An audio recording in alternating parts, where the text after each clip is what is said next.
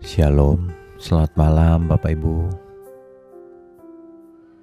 Membaca nas Alkitab 2 Petrus 3 ayat 11. Maka kita akan merenungkan hal ini sehingga hidup kita berubah. Nas tersebut berbunyi demikian. Jadi, jika segala sesuatu ini akan hancur secara demikian, betapa suci dan salehnya kamu harus hidup. Suci dan saleh di sini. Apa artinya? Tentu saja yang dimaksud suci dan saleh itu bukan hanya pakaian kita yang berwarna putih, bukan hanya sering puasa, sering berdoa, bukan hanya itu tentunya kita harus memiliki pengertian yang benar dan lengkap akan hal ini.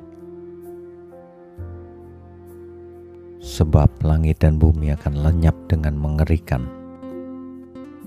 menjadi lautan api.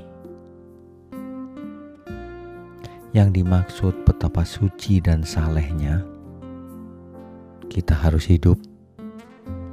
Tentu saja adalah seluruh hidup kita bukan hanya kalau hari Minggu kita ke gereja atau kalau zaman sekarang kita mendengarkan online kebaktian khotbah. Tentu bukan itu saja yang dimaksud dengan hidup suci atau saleh. Melainkan seluruh hidup kita